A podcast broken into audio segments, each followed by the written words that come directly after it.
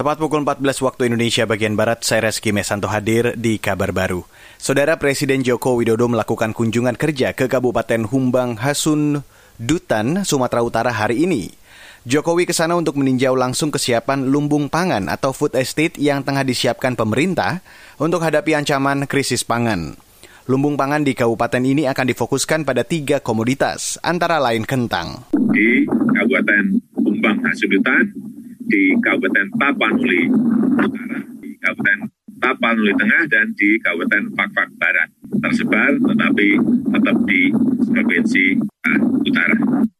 Dan yang akan ditanam di sini, seperti kita lihat, ini adalah tempat dimulainya food estate di Provinsi Sumatera Utara, yaitu untuk tanaman pertama yang kedua bawang merah, yang ketiga bawang putih. Jokowi menjelaskan pemerintah menyiapkan lahan seluas 60 ribu hektar di Sumatera Utara.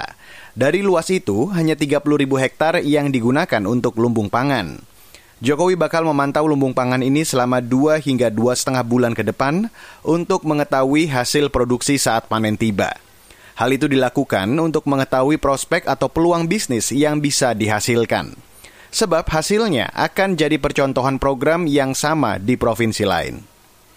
Kita beralih ke informasi selanjutnya, Badan Pengawas Pemilihan Umum atau Bawaslu Kabupaten Banyuwangi, Jawa Timur menghentikan dua kasus dugaan politik uang yang melibatkan sejumlah ASN di lingkungan pemerintah Banyuwangi.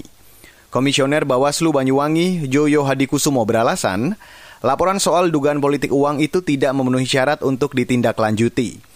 Antara lain, unsur-unsur tidak terpenuhi seperti barang bukti uang maupun sejumlah bukti pendukung lainnya. Pertama kan terkait netralitas ASN. Terus setelah kita uh, lihat laporannya ternyata ada unsur pidananya, tapi lebih pada pidana pejabat ASN dilarang melakukan perbuatan atau tindakan menguntungkan salah satu calon. Hmm. Kalau politik uangnya itu buktinya kemarin sejak awal memang kurang, cuma foto uang gitu, tidak ada ajakan. Makanya yang kita proses adalah dugaan pelanggaran pejabat ASN melakukan keputusan, membuat keputusan atau tindakan yang menguntungkan salah satu calon, sebagaimana diatur dalam pasal 71 Undang-Undang Pilkada.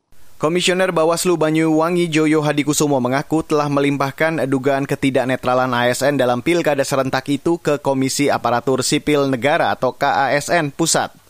Sebab Bawaslu tidak berwenang menindak ASN yang diduga tidak netral pada masa kampanye pilkada serentak.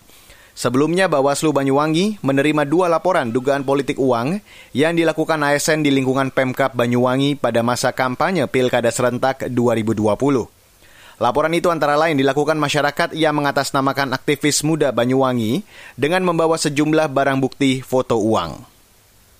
Kita beralih ke berita olahraga, saudara tim nasional U19 Indonesia akan tiba di tanah air malam ini. David Maulana dan kawan-kawan pulang setelah dua bulan menjalani pemusatan latihan atau TC dan sejumlah laga uji coba di Kroasia sejak 30 Agustus hingga 26 Oktober 2020. Setibanya di Indonesia, mereka akan mendapat jatah libur beberapa hari dan kembali ke daerah masing-masing. Mengutip PSSI.org, Ketua Umum PSSI Muhammad Iriawan mengaku puas dan mengapresiasi perkembangan pemain U19. Ia juga mengapresiasi kinerja pelatih Sin Tayong serta jajaran ofisial. Iriawan mengatakan bakal mendiskusikan program pelatihan selanjutnya dengan pelatih Sin Tayong serta Direktur Teknik Indra Syafri. Itu lantaran timnas U19 urung mengikuti turnamen Toulon di Prancis karena batal. Selama di Kroasia, tim menjalani 11 laga uji coba dengan 5 kali kemenangan. TC itu bagian dari persiapan Piala AFC U19 2020 awal tahun depan. Demikian kabar baru KBR saya Reski Mesanto.